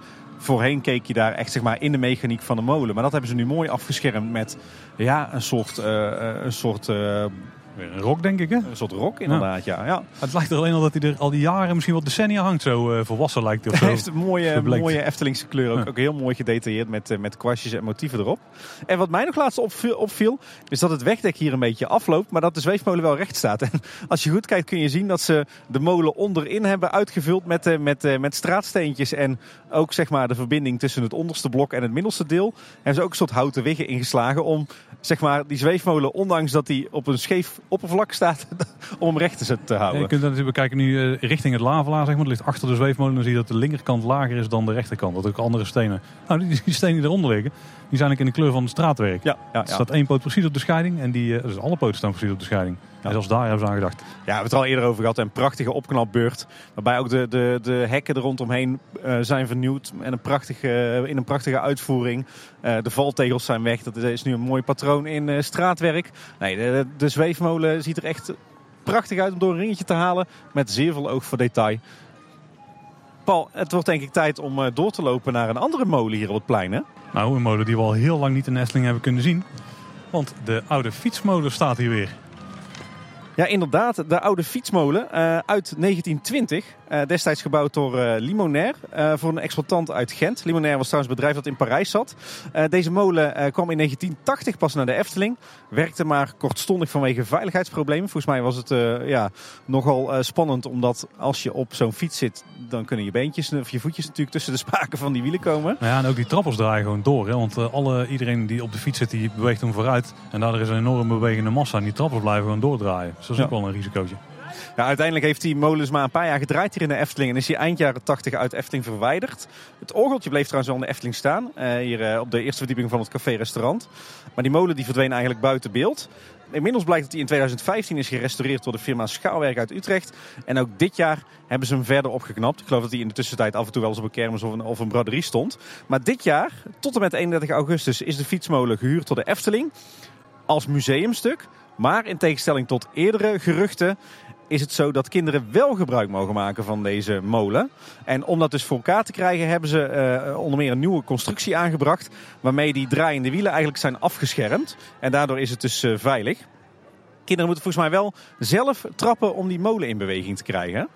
Ja, maar we zien op dit moment dus niemand erop zitten. Terwijl er wel een hoop mensen staan te kijken. Er staat hier ook een bord bij de entree. We gaan dus gewoon alles, alles uitzoeken. Ah, ja, als je onder de 1 meter bent, dan moet je onder begeleiding erin. En anders mag je er zelfstandig in. En rolstoelers kunnen zelfs ook mee in, want er zitten ook zitjes achter op iedere fiets. Hè. Dan kun je op je gemak gewoon zitten. Maar dan moet Ja. iemand anders hem wel in beweging brengen. Ja, ik zag trouwens wel wat beelden van. eh, de, de molen is eerder al wel in gebruik geweest. bij eh, de presentatie van dat, eh dat wielershirt. Dat toen het personeel wel mee moest rennen om de molen aan te duwen. Dus het is een, een vrij arbeidsintensieve molen voor de Efteling. Ja. Maar wel tof, want eh, deze draaimolen is eigenlijk een extra attractie. die hier tot en met het einde van de zomer staat. en eh, waar, je, waar je gewoon in kunt gaan. En hij staat dus tussen de grote zweefmolen en eh, de fontein met de Bremer stadsmuzikanten erop. Ja, een prachtige authentieke molen, helemaal nog in hout en staal uitgevoerd. Prachtig gerestaureerd. Eh, hij heet overigens eh, officieel volgens de bebording de Carousel des Velocipèdes. Wat volgens mij Frans is voor carousel van fietsen. Ehm, alleen de Efteling die noemt hem zelf ook de Velodroom. eh, Ride Your Dreams. En dat is natuurlijk het linkje met dat, eh dat eh, tourshirt hè, van de Tour de France van het team Jumbo-Visma. Er staat er ook een, een stukje historie Tim, op de borden. Dat is wel tof. Ze geven mensen ook wat informatie nog extra mee. Nou, we hebben dus zelf nog geen rondje kunnen doen. Dus de ervaring die moet je ons onschuldig blijven. Ja, ik had er eigenlijk wel op gehoopt dat hij open zou zijn. Dat we een rondje konden maken, Paul. Maar en- enige smet op het blazoen trouwens is dat er, dat er bovenop de molen... dat er wat van die moderne kleurige lampjes Ja, eh, van die geel-witte kermislampjes. Ja. Nou, Die hadden ze er wel af mogen houden. Maar ver- verder is de prachtige molen die natuurlijk eh, prima op zijn plek staat. Ja, zeker. Nu spraken we net natuurlijk als Sander de Bruin even kort over het t-shirt wat de Jumbo-Visma heeft gelanceerd, ontworpen door de Efteling. Maar eh, daarbij werd in de verschillende interviews die er rondomheen plaatsvonden ook de wielerbaan aangehaald die hier ooit in het park lag. Maar dat is niet, niet helemaal correct linkje misschien, Tim. Nou ja, er is inderdaad ooit wel een eh, wielerbaan aangelegd in het eh, sport- en wandelpark. Alleen uit onze research die we een hele tijd geleden hebben gedaan voor onze aflevering over de geschiedenis van Efteling van voor 1952. Dan kwam eigenlijk uit naar voren dat die wielerbaan nooit als zodanig in bedrijf is geweest. Want tegen de tijd dat die klaar was, was, ja, was de wielersport alweer uit zou je kunnen zeggen. Maar die heeft alleen in de Efteling dienst gedaan als eh, evenemententerrein. En daarna is hij vrij snel opgeruimd. Alhoewel, je kunt de vorm van de wielerbaan nog steeds herkennen in nou, ja, wat we ooit kennen als het circusveld. Later de Brink en nu het Harthof. Want de reden dat het Harthof ovaal is, komt omdat daar ooit de wielerbaan lag. Wil je nog meer weten over het eh, sportshirt? Kun je misschien het beste het interview van Sander de Bruin bij Omroep Brabant checken. We zullen een linkje daarvan plaatsen in de show notes. En dan is het tijd om het Efteling Museum weer te betreden. We hebben net al een kort rondje gedaan, maar toen was het verrekkersdruk. Om het maar eens goed Brabants te zeggen. Ja, nu is het eh, lekker rustig. Oh, zo. Ja. Nou, we komen gewoon binnen via het eh, oude portalen. Daar is in principe niks aan veranderd voor zover we hebben kunnen spotten. Nee. En als we in de centrale expositieruimte komen, dus de, de wissel-expositieruimte, die ziet er wel weer compleet anders uit ten opzichte van de vorige keer. Ja, inderdaad. De sprookjesquiz, wat toch wel een favoriet was bij mijn kinderen in ieder geval, die is verdwenen. Op zich ook niet erg, want eh, die deed het vaker niet dan wel de laatste tijd. Maar ja, hier in die ruimte is dus een, eh, een tentoonstelling ingericht over de veelzijdigheid van het werk van Anton Pieck. Eh, er hangen hier 26 eh, originele werken. Ik heb wel het idee dat het reproducties zijn als je heel goed kijkt. Maar er hangen hier dus 26 werken van Pieck die ja, zijn, zijn werk een beetje proberen te verbeelden. Waarbij zijn werk wordt uitgelicht als tekenaar, als graficus en als schilder. Dus dat zijn eigenlijk drie categorieën die ze hier hebben uitgelicht. En daarnaast eh, is er ook nog een hele wand met aandacht voor zijn werk voor de Efteling. En een wand waarop we foto's en eh, filmbeelden geprojecteerd zien worden. Niet door een gewone camera, maar door de toverlantaarn die we ook kennen uit eh, een van de kalenderplaten van Piek. Ah ja. Als we binnenlopen, dan lopen we tegen een palet aan. En daar staat ook een, een zuil op met een buste van Piek. En daar vinden we ook allerlei teken- en schildermateriaal in. Ik denk ook een beetje in die categorieën die je net, aanhaalde, Tim. Dus één eh, met tekenattributen, eentje met meer eh, grafische attributen of graficus attributen. En één met de schilderattributen. We zien hier ook eh, in de kast een, een heel aantal boeken liggen die geïllustreerd zijn door Piek. Opengeslagen op een aantal highlights toch wel. Ja, sprookjesboeken met name, maar ook, ook wat werk van hem voor de Efteling. En onderin nog wat tekeningen uit de Efteling zelf inderdaad. En, en naast de werken die hier aan de muur hangen, eh, is eigenlijk ook de hele ruimte voorzien van een, een soort full-color print. Waarop we dus ja, eigenlijk ontzettend veel foto's van Anton Pieck zelf zien, maar ook eh weergaves van zijn werk, met name voor de Efteling.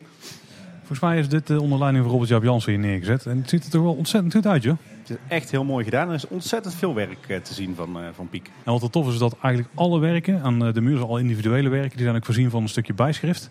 Waar je dus meer kunt lezen in vier talen over wat daar precies te zien is. Dus ook aan internationale bezoekers hier gedacht. Ja, ja, je moet hier echt gaan kijken. Het, eh, het mooie is dat ze hier niet in het museum niet alleen een nieuwe tentoonstelling hebben, hebben eh, neergezet, maar dat het eigenlijk gecombineerd is met een eh, met noodzakelijk onderhoud aan het, het museum. Zo is het dak van de ruimte waarin wij nu staan is volledig vernieuwd. Tot op de, de, de houten balklaag. Dus zelfs de eh, dakbeschot is er van afgegaan. Daar hebben ze inmiddels weer netjes eh, de oude dakpannetjes opgelegd. Het hele museum is aan de buitenkant eh, een keer lekker opgefrist. Dus is helemaal geschilderd. En ook de, de leidjes bovenop het rommelzoldergedeelte, dus het grote gedeelte van het museum, die zijn ook helemaal vernieuwd. Dus los van het feit dat we hier een nieuwe tentoonstelling hebben, heeft het gebouw ook zijn noodzakelijke onderhoud gehad. Ik zie hier een lithografie hangen, Tim. Dat is degene die jullie net aanhaalde met die bloemen erop. Die is inderdaad Ja. wel heel vet. De passiebloem inderdaad. En daarnaast hangt echt een eh, zo'n Oeh. typische Pikeriaanse boom. Hè? Nou, hoeveel Pikeriaanse dan dit worden ze niet, denk ik. nee, Oude Willig heet het, eh, heet het werk. Echt prachtig. Hopelijk ook veel inspiratie voor de Efteling-ontwerpers. Ah, kijk, en hier hebben we een aantal schilderijen. Eentje, een hele bekende van het Begijnhof. En de twee oude vrouwen uit Brugge. We zien hier inderdaad ook de, de, de schilderij of de tekening van eh, de Boze Vee uit Doornroosje. En een aantal prachtige kalenderplaten. Oh, ja. Dat, eh, dat blijven mijn favorieten, moet ik zeggen hoor. En het, het mooie is hier dat we ook de totstandkoming van zo'n kalenderplaat zien. Eh, want we zien eerst een, een, een vlotte schets die in, in fases eigenlijk steeds verder wordt uitgewerkt naar eh, nou ja, echt de gedetailleerde kalenderplaat zoals je die kent van Piek. Hè? Wel overigens verschillende werken, maar je ziet hier echt ja, de verschillende fases hoe, hoe Piek langzaam maar zeker zo'n kalenderplaat uitwerkte. Nou, er zijn ook enkele bankjes, dus je kunt er ook op je gemak eh, naar eh, de video kijken die uit de toverlantaarn komt. En de toverlantaarn is ook speciaal voor de Efteling gemaakt. Hè? Want ik zie er een hele mooie oude Efteling E op. Het is wel echt een toverlantaarn, want als je ervoor gaat staan, dan blijft het beeld gewoon nog steeds zichtbaar. hoe zou dat kunnen? En inderdaad wat werken voor de Efteling die Anton Pieck heeft gemaakt. Oh, en er kunnen ook foto's erbij. Ja, heel veel bouwfoto's. eh, foto's waar we Piek eh, zelf aan het werk zien. Ja, ontzettend mooi. Dit is een must om te zien als je wat hebt met, eh, met Anton Pieck en zijn werk voor de Efteling. Of zijn, zijn werk in het algemeen. Heel erg mooi, heel erg respectvol gedaan. En een prettige ruimte om in te verblijven. Hey Paul, dan gaan we zoetjes aan weer naar buiten. Want eh, dan komen we op het, eh, ja, echt het oude gedeelte van het Anton Pieckplein. En hier is eh, ook een heleboel gebeurd. Laten we eerst eens stilstaan bij de Vermolenmolen, de draaimolen die hier buiten staat. Ehm, daar zit nog steeds een orgelboek in, maar wel een ander orgelboek. Hè? Want voorheen zaten hier ja, allerhande verschillende liedjes in, variërende van eh, eh, Diep in de Zee, van de kleine zeemermin van Disney. Classic, classic. Tot, eh, tot mijn favoriet. ik ben zo blij dat ik een stukje van de wereld ben, van Rudy Karel. Maar ja, dat vond men toch detoneren hier op het plein. En daarom hebben ze dat orgelboek weggedaan. En in plaats daarvan ja, is hier nu een speciale compositie van René Merkelbach. Van maar liefst 9 minuten. Die hier draait. Wel even belangrijk. Ze hebben die compositie van René echt ambachtelijk vertaald naar een, eh, een echt orgelboek. Dus het is niet zo dat het orgel nu elektronisch eh, wordt aangestuurd.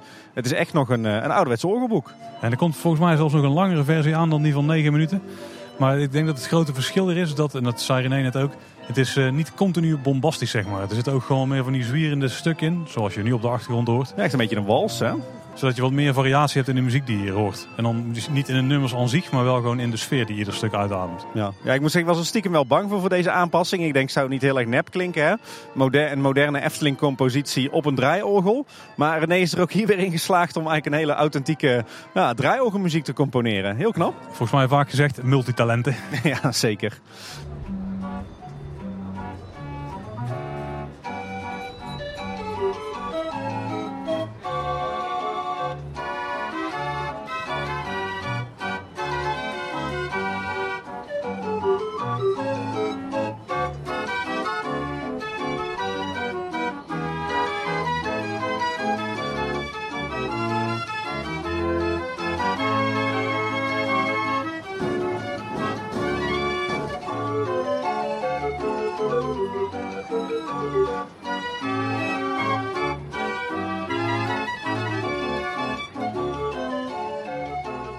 Zeg, wat ik een van de grootste eh, veranderingen en verbeteringen vind, is dat eh, het plein zelf ook is aangepakt. Hè? Ja, Het lag natuurlijk her en der schots en scheef. Dat hebben ze netjes, eh, netjes opgeknapt.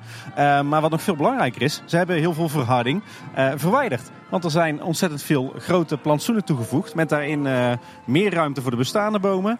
maar ook heel veel nieuwe beplanting en zelfs nieuwe bomen. Ik vind dit stukje echt enorm opgeknapt, Tim. Ik zei al in de intro, dit was altijd heel stenig. Want zelfs de, de bomen die er al stonden, daar eh, lag maar een heel klein stukje omstraten grond omheen. Maar nu is het echt al, nou dit is echt, echt een flinke verbetering. Het is veel, eh, veel sfeervol. Het moet natuurlijk allemaal nog aangroeien, maar je merkt nu al dat dit een verbetering is. Ja. En je hebt nog steeds alle ruimte om hier gewoon te bewegen. Dus niet dat het ergens krap of nauw voelt of zo. Nee, inderdaad. Echt heel mooi gedaan. Heel fijn dat de Efteling ook echt aan het ontstenen is eh, in het park. Ehm, nog wat meer leuke details. Eh, de drinkenbroeder is, eh, is aangepakt. Er staat eigenlijk een nieuw beeldje op. Hè? Want eh, net zoals ver in het verleden beweegt de drinkenbroeder zijn arm weer. Ja, heel tof. Maar wat ook heel tof is, is dat hij nu half in een plantsoentje staat. Met dus ook een boom erachter. Ja. Wat inderdaad een veel dorpser aanblik geeft. Overigens dacht ik dat die arm van de drinkenbroeder dat die continu omhoog en omlaag zou gaan. Maar dat is niet het geval. Er zit namelijk een interactie tussen de hendel van de pomp en de hand van de drinkenbroeder. Heel tof gedaan. Ja, want alleen als je pompt, dan gaat ook de hand omhoog en omlaag. De Efteling kondigde trouwens ook aan dat het, eh, het ballonnenvrouwtje eh, terug zou keren naar het Anton Pieckplein. Eh, ik dacht toen, ze zullen het beeldje van het ballonnenvrouwtje al hier neerzetten. Maar ja, het ballonnenvrouwtje keert op verschillende manieren terug. Heeft een hoofdrol in de poppenkastvoorstelling, we zeiden het al. Maar er loopt hier ook een real-life ballonnenvrouwtje rond. Zeker. En we hebben net geleerd, Tim. Eigenlijk de moeder van Anton, hè? Ja, precies. Ik hoop trouwens wel dat ze het echte ballonnenvrouwtje, het beeldje, ook hier eh, terugplaatsen. Moeten ze er wel even opknappen, want eh, die eh, ziet er nog steeds niet al te best uit. Maar heel tof dat, dat het ballonnenvrouwtje zo'n centrale rol krijgt hier, in het, hier op het Anton Pieckplein. Nog een klein detail trouwens. eh, bij de poort eh, vanaf de dubbele laan naar het Anton Pieckplein eh, stonden lange tijd nog hele oude lantaarnpalen. Die hebben ze nu ook vervangen door een beetje de, ja, zeg maar de standaard lantaarnpalen die je overal op het Anton Pieckplein ziet. Alleen zijn deze uitgevoerd met helder glas. Dus waarschijnlijk zitten daar van die prachtige oranje ledlampen in die eruit zien als gloeilampen. Het wordt steeds later donker, dus voordat we dat gaan zien, gaat het al even duren, denk ik. Weet je Paul, nou ik trouwens dat ballonnenvrouwtje hier zie. Weet je wat ook wel een heel tof eerbetoon zou zijn aan eh, Anton Pieck? Als het personeel hier op het plein bij de draaimolens die personeelskleding uit de jaren 50 zouden gaan dragen. Die nog door, eh, door Anton Pieck is ontworpen. De, eh, de meisjes van vrouw Holle of het melkmeisje. Zo. Ja, heel, heel erg ver teruggrijpen naar het verleden, Tim. Ja, altijd wat te wensen overhouden, toch? De nostalgicus, die heeft het altijd. En iets wat we nu dus nog niet zien, maar wat misschien nog wel gaat komen, is die, eh, die put van Assisi. Hè, naar een ontwerp, eh, of eigenlijk naar een houtsnede van Anton Pieck uit eh, 1930. Stond lange tijd in de binnentuin van het Anton Pieck Museum eh, en het Voerman Museum in Hattem. Maar eh, was daar niet meer zichtbaar sinds het Anton Pieck Museum een eigen entree kreeg. En moest er ook weg. Ja, er is lange tijd gezocht naar een alternatieve plek in, eh, in Hattem, maar die kregen ze niet gevonden. En nu zou de put dus terugkeren naar de Efteling. De houtsnede van de put hangt ook hier in het museum. En er is zelfs al een Luviel miniatuur te verkrijgen van de put. Dus ja, het kan toch niet anders dan dat die ook hier op het plein eh, terug zou keren. De grote vraag is dan wel, waar gaat die dan terugkeren? Want hier vlak bij de drinkenbroer lijkt me een vreemde plek. Want daar heb je natuurlijk al eh, een plek om water te halen. Zou het misschien in de museumtuin zijn? Of zou het misschien meer op de plek zijn waar nu... Nou, dus ook bij een, bij een fontein. Ik ben wel benieuwd waar ze die dan eh, zouden gaan plaatsen. Ik hoop toch eigenlijk wel hier in de buurt van de poppenkast. Ja, zou eigenlijk wel de beste plek zijn, hè? Hmm. Zeg Paul, volgens mij hebben we dan zo'n beetje alle, alle veranderingen en vernieuwingen wel bekeken hier op het Anton Pieckplein. Volgens mij ook wel, ja. En zo niet het dan ooit in een aankomende nieuwsaflevering. Alsnog natuurlijk. ja, precies. Hey, zullen wij eens even een wat rustiger plekje zonder draaiorgelmuziek opzoeken voor ons eh, voorlopige eindoordeel? Dus kijken we dat we zo'n plekje kunnen vinden. Hey, we zitten inmiddels op een eh, rustig plekje. Nou ja, rustig. Het lijkt wel of we hier op een bouwterrein zitten. Want we zitten aan de achterkant van de poppenkast. Met uitzicht op het poffertje die een nieuwe voorgevel krijgt. En eh, natuurlijk de, de gevel van het, eh, van het carouselpaleis die, die helemaal wordt opgeknapt. Op zich natuurlijk ook hartstikke mooi dat daar zoveel liefde in wordt gestoken. Trouwens, voordat we beginnen, voordat we ons, ons oordeel geven. Ik kreeg nog een luisteraarsvraag voor deze aflevering. Cindy, een bekende naam op, op Twitter. Die vroeg ons af, zou de Efteling er eigenlijk spijt van hebben dat ze ooit de jeepmolen hebben weggedaan? Ik denk het wel. Ik denk het ook. Nou ja, en ik denk, ik denk misschien nog niet per se omdat die molen aan zich is verdwenen. Want er was misschien technisch nog iets mis mee. Of eh, het paste niet meer in wat de Efteling wilde. Of misschien ook veiligheid daar of zo. Maar ik denk dat ze vooral eh, er spijt van hebben dat ze hem echt uit de deur uit hebben gedaan. En dat ze niet alle onderdelen gewoon eh, binnen de deur hebben gehouden. Volgens mij was het ook een van de directe aanleidingen dat ze zijn gestart met Team Erfgoedbeheer. Ja. die molenwaartjes die doken op allerlei plekken op. En daar zijn ze dan toch niet zo blij mee. En dat snap ik wel. Dus ik denk dat, eh, dat ze om die reden er niet, ehm, ja, dat ze er niet blij mee zijn geweest dat ze hem hebben weggedaan achteraf gezien. Maar ik denk wel dat, dat de molen aan zich is verdwenen uit het park. Dat dat iets is wat misschien onvoorkombaar was. Nou ja, ik denk met de kennis van nu zouden ze hem inderdaad nooit meer wegdoen. Maar ik denk ook dat ze, als ze hem nog zouden hebben, dat, dat dit project ook wel weer een aanleiding was geweest om hem misschien wel te reviseren en, eh, en terug te brengen. Misschien wel moderne technieken gebruiken om het toch veilig genoeg te krijgen om het te kunnen gebruiken. Al weet ik niet, die was niet echt onveilig hè? Want je zat gewoon in een bakje en je had een stuurtje en uh, je draaide rondjes. Ja, nee, volgens mij was dat uh, meer uh, was ja, aan het eind van zijn technische levensduur. Maar goed, genoeg over de Jeepmolen. Ik denk inderdaad dat dat, dat, dat tegenwoordig anders zou lopen. Laten we toch eens gaan kijken naar, naar al het moois wat we vandaag hebben gezien. Wat, wat vinden we hiervan, Paul, van ja, toch dit project? Het is nog misschien een beetje vroeg, Tim. Maar ik denk dat als het groen dadelijk nog wat beter bij staat dan nu... dan is mijn favoriete punt van het Anton Pieckplein misschien wel verschoven. Want ik vind het, uh, de groentoevoegingen vind ik vreemd genoeg misschien nog wel de allermooiste toevoeging aan het geheel. En dat er sowieso meer leven komt in dit stukje van het Antropiekplein. Want tot nu toe, of eigenlijk in de afgelopen jaren, misschien wel 15, 20 jaar, was dit ook een beetje zo'n doodhoekje wat vooral werd gebruikt om van A naar B te gaan. Als je vanaf de dubbele laan uh, naar het Antropiekplein van de molens of zo wilde, was het bijvoorbeeld de route of vanaf het Carouselpaleis. Maar nu is het gewoon echt een plekje waar je ook wil, wil zijn en waar ook iets is om te doen. En waar het niet alleen een, uh, ja, een pomp is die het dan misschien niet eens deed, is, maar waar nu ook gewoon op beweging is. Het voelt gewoon nog completer nu. En ik vind het nu een uh, nog veel meer fijne plek geworden dan dat al was. Ja, ik denk eerlijk gezegd dat wij wel kunnen stoppen met onze podcast, Paul. Ik bedoel, wat hebben wij nog voor, voor zendelingenwerk te doen als de Efteling uit eigen beweging eh, in een periode waarin er al zoveel geld wordt gegeven aan alle onderhoudsprojecten en alle grote nieuwbouwprojecten, dat ze dan ook nog geld uittrekken voor zo'n klus als dit, waarbij ze ja, toch zoveel oog voor detail hebben uh, en geld steken in dingen als een bewegende arm van een drinkenbroeder, het openen van een poppenkast, het huren van een fietsmolen die hier ooit heeft gestaan. Ja, wij zijn, wij zijn wel klaar, toch? Nou ja, kijk, als we breder kijken dan het Anton Pieckplein, eh, bij, bij monden van Sander begrepen. Dus ook dat de Efteling echt bezig is om ieder hoekje, ieder stukje van het park gewoon opnieuw te bekijken. De Fons die meldt ook dat er dus plannen zijn, die zijn er altijd. Die zijn waarschijnlijk voor ieder hoekje er sowieso ja. ook. Om zelfs iets met het dode rustig hoekje te doen aan de rand van het Anton Pieckplein. Dus, ze gaan dus echt stuk voor stuk het park, of gebiedje voor gebiedje het park bekijken om te kijken dat ze het kunnen verbeteren. Nou, als dit dan het resultaat iedere keer is, dan vind ik het helemaal prima. Ja, even zonder gekheid. Ik vind het echt een fantastisch project. Echt ontzettend tof dat ze in deze ja, toch drukke, roerige tijden voor het park en voor de organisatie ook nog zoveel liefde en aandacht steken in uh, ja, zo'n opknapbeurt voor het Anton Pieckplein. Terwijl, ja, wat ik zei, ik denk dat, dat de aanleiding misschien was uh, wat, wat schilderwerk wat moest worden opgeknapt. Maar dat het dan wordt tot zo'n groeibriljant. Met zoveel respect voor het verleden van het park. Met zoveel respect voor Piek. Ja, fantastisch. En ik had nooit durven dromen dat we ooit nog een poppenkastvoorstelling zouden zien Zo. In, uh, in de poppenkast. Dat is nu toch gebeurd. En dan ook daar weer zoveel oog voor detail. Met een eigen soundtrack. Met uh, poppenkastpoppen die zijn ontworpen. Met een overkoepelend verhaal uh, dat, dat zich uitstrekt over het hele gebied. Ja, echt ontzettend gaaf. Om nog maar te zwijgen over die kleine zweefmolen. Waar ze zelfs uh, de aapjes die Antropiek ooit tekenden, maar nooit waren uitgevoerd, hebben teruggebracht. Ja, maar ja, niet de expositie in het Efteling Museum. Ook een, gewoon een toevoeging waar je weer prima een kwartiertje tot een half uurtje kunt van maken. Ja, ik, ik weet niet of, ik het nog, of het nog een beetje overbodig is, maar nee, ik loop echt over van enthousiasme over dit, uh, dit project. En ik had echt niet durven dromen dat, uh, dat de Efteling ooit zoveel liefde in dit, dit hoekje van de Efteling zou steken. Het is geen grote nieuwe attractie, Tim. Het is ook geen uh, in het park die is opgeknapt. Er is gewoon een plekje wat al mooi was, is nog veel mooier gemaakt. En loop je volgens mij alle twee met een dikke glimlach dadelijk naar buiten. Ja, weet je, en we hadden denk ik al ongelooflijk veel vertrouwen in, uh, in de ontwerpafdeling, in de zorg voor het erfgoed, in de Efteling-organisatie. Nou, deze, deze investering die boezemt ons alleen maar nog meer vertrouwen in over hoe zorgvuldig dat de Efteling omgaat met het, uh, het eigen erfgoed en de nalatenschap van, uh, van de grondleggers van de Efteling. Ja, ik denk, mooier dan dit gaat het denk ik echt niet worden. Ik heb hier alleen maar uh, lovende woorden voor over. Maar toch hoop ik dat het nog mooier kan, Tim. Daar hebben we nog iets om naar uit te kijken.